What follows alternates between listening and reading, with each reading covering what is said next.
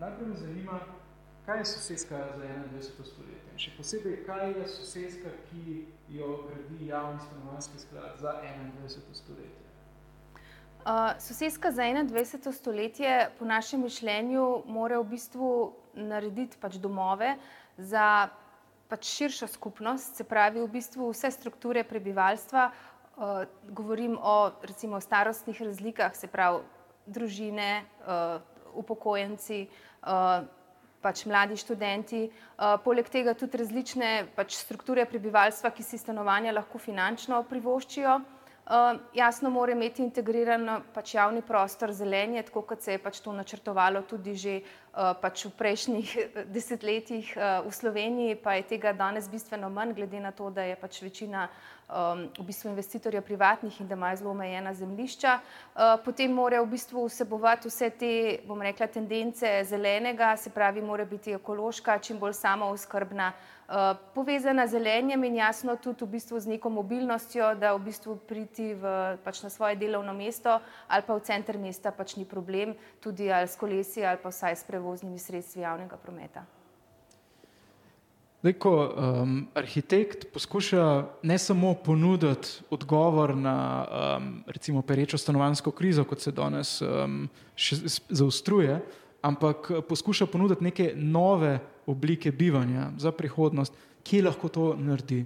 Eh, je to samo nek akademski projekt, je to um, tudi poskus neformalnega vplivanja na samo zakonodajo, ali ima v pravilih igre, kakršno so zdaj, dovolj uh, prostora, da eksperimentira, da ponuja nove odgovore na stara vprašanja. Eh, pravila igre, pač, kot so trenutno nač, in na javnem trgu, in pa v bistvu v privatnem sektorju, kjer imamo pač privatna naročila, so pač jasno precej v bistvu, uh, pač omejena z financami in pa v bistvu z željami po pač čim večjih kvadraturah. Uh, in pa pač tr tržno zanimivih stanovanjih, ki so pač po mnenju investitorja tržno zanimiva. Potem druga stvar, ki nas pač pri nekem eksperimentalnem projektu precej omejuje, je v bistvu pravilnik za minimalno, pač, eh, eh, pač v minimalnih velikostih določenih prostorov, tako da v bistvu s tem pravilnikom smo precej omejeni. Eh, poleg tega se je pojavil zdaj še pač ta pravilnik za univerzalno rabo, ki je na nek način rahlo nejasen, tako da v bistvu, ko delaš večja naselja, pravzaprav ne veš, katere zadeve dejansko moraš v neko običajno naselje v bistvu integrirati, katero v bistvu so stvar prav, bom rekla, objektov, ki so prav za univerzalno rabo pač prvotno namenjeni. Tako da v bistvu s pravilniki smo precej omejeni. Ampak jaz bi rekla, da pač se zmeraj nek eksperiment začne na nivoju neke bolj akademskega researcha, uh, tako da se mi zdi zelo pomembno tukaj recimo fakulteta za arhitekturo, uh, tudi recimo mi dva z rokom pač delava študenti v tujini, predvsem zelo velik housinga, ker se nam zdi, da je housing, v bistvu stanovanska gradna v celem svetu pač trenutno zelo pereč problem, pač stanovanja, ki si jih lahko privošči pač eh, slehernik, ne samo pač izjemna bogata struktura ljudi. Uh, tako da v bistvu eksperiment se vedno začne na tem nekem študijskem nivoju, potem pa v bistvu, ko se neki modeli nekako uh, potrdijo, preskusijo na tem akademskem nivoju, je pa jasno pomembno, da se jih pač proba še v bistvu predstaviti in privatnim investitorjem in pa v bistvu uh, pač politični strukturi, da se to uvede tudi v pravilnike. Sej, z Office arhitekti ste kar nekajkrat sodelovali s skladom, zgradili ste kar nekaj sosedsk in to tako v Ljubljani, kot izven Ljubljane. Zdaj, zanima me um, nek um, pogled nazaj, uh, kakšne so bile um, dobre izkušnje, kako, kaj bi naredili drugače in predvsem, kako se mogoče gradna za Ljubljano razlikuje od nekih um, drugačnih, uh, mogoče manj urbanih ali pa preprosto manj gostih situacij v manjših uh, slovenskih naseljih.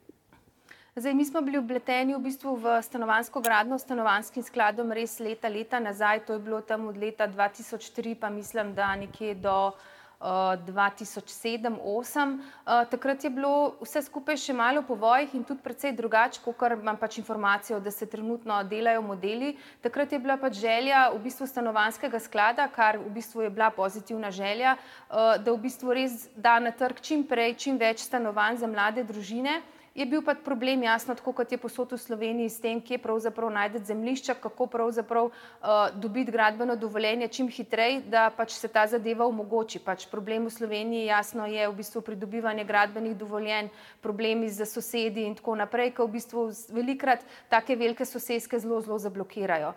Uh, tako da so se takrat poslušali tega modela, uh, v bistvu, da so najdel pač privatne uh, investitorje, To so bile ponavadi v bistvu gradbene firme, ki so že uh, pač imele neko zemljišče in tudi že izdano gradbeno dovoljenje, ali pa tik pred izdajo, ali pa vsaj, da so imele zemljišča, kjer so bile v bistvu že zadeve, bom rekla, toliko uh, nastavljene predhodno, da v bistvu se je videlo, da gradbeno dovoljenje pridobiti v najkrajšem roku pač ni problem.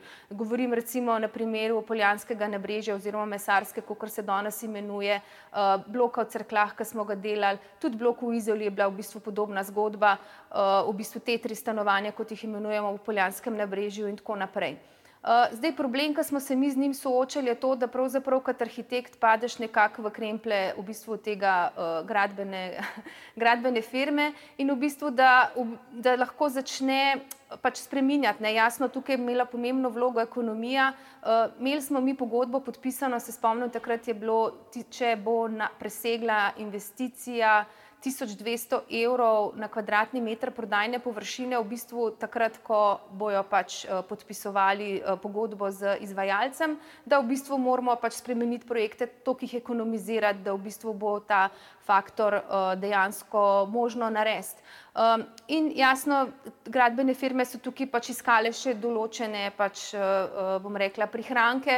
Tako da se nam je velikrat zgodilo, da smo bili pravzaprav v fazi PZI-ja zelo, zelo brez moči uh, in v bistvu so recimo ali imeli materijale ali v bistvu poenostavljali detajle in tako naprej. Tako da recimo konkretno Poljansko nabrežje je pač naselje, ki je bilo zgrajeno pač izjemno slabo, kar se tiče izvedbe in tukaj pravzaprav nismo imeli nobenega vpliva. Nismo imeli niti nadzora, pa tudi če bi ga imeli, pravzaprav nismo mogli vplivati, ker dejansko nas ni nihče poslušal.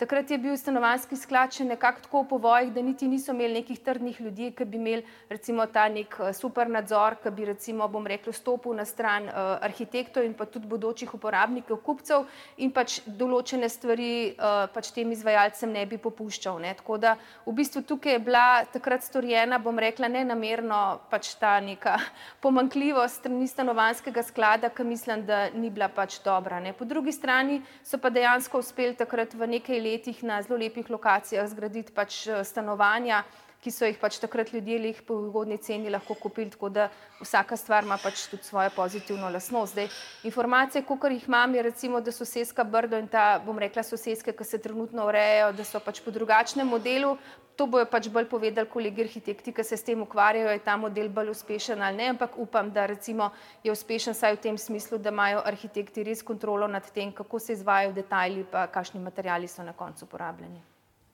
Hvala lepa. Zdaj bom pa nanizal še šest kratkih anketnih vprašanj.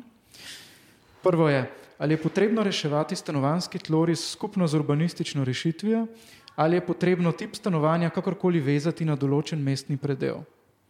Uh, jaz bi rekla, da je zelo pomembno, da v bistvu se stanovanski tloris rešuje tudi skupno z urbanistično rešitvijo, ampak žal imamo tukaj arhitekti precej pogosto zvezane roke, ravno zaradi tega, ker so urbanistični akti že vnaprej definirani. V bistvu, ko dobimo arhitekti na mizo pač nek projekt bloka, imamo ponavadi dejansko definiran, koliko je maksimalna možna pozidljivost, se pravi, govorimo o dolžini, širini, voši, višini objekta in vsak investitor, tako javen kot privatni, v bistvu si želi to maksimalno kvadraturo do maksimuma izkoristiti, tako da dejansko na koncu imamo res zelo malo možnosti, kako pravzaprav stanovanja pač uh, razporediti. Tako da v bistvu, če dobiš kot arhitekt na mizo en večji, bom rekla, površino parcele, kjer je možno zadevo tudi z urbanističnega vidika pač drugače nastaviti, je to res en velik plus za naselja in za stanovanja.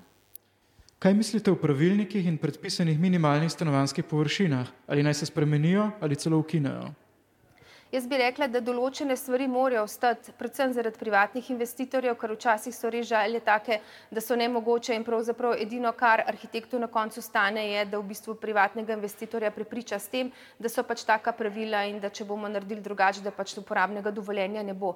Po drugi strani smo pa velikrat omejeni, sploh takrat, kadar govorimo o nekih eksperimentalnih tlorisih, mogoče o nekih stanovanjih, ki so za neke bolj neobičajne strukture, ki pa jih je če dalje več, se pravi, nove generacije imajo nek drugačen način življenja, kot smo jih imeli mi ali pa naši starši, pravzaprav pravilniki pa ostanejo še zmeri taki, da lahko stanovanje zgradiš tako, kot ga je recimo mogoče zanimalo mojo mamo 50 let nazaj, ne pa v bistvu recimo nekoga danes, uh, ki pač kupuje stanovanje, uh, pač, pač bom rekla, čisto novo generacijo.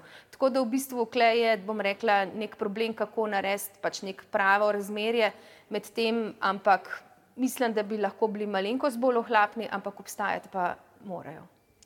Ali mislite, da so pogoji za to, da lahko pričnemo z gradno resnično racionalnih in dobrih stanovanj, nove tehnologije in materijali? Če da, kateri?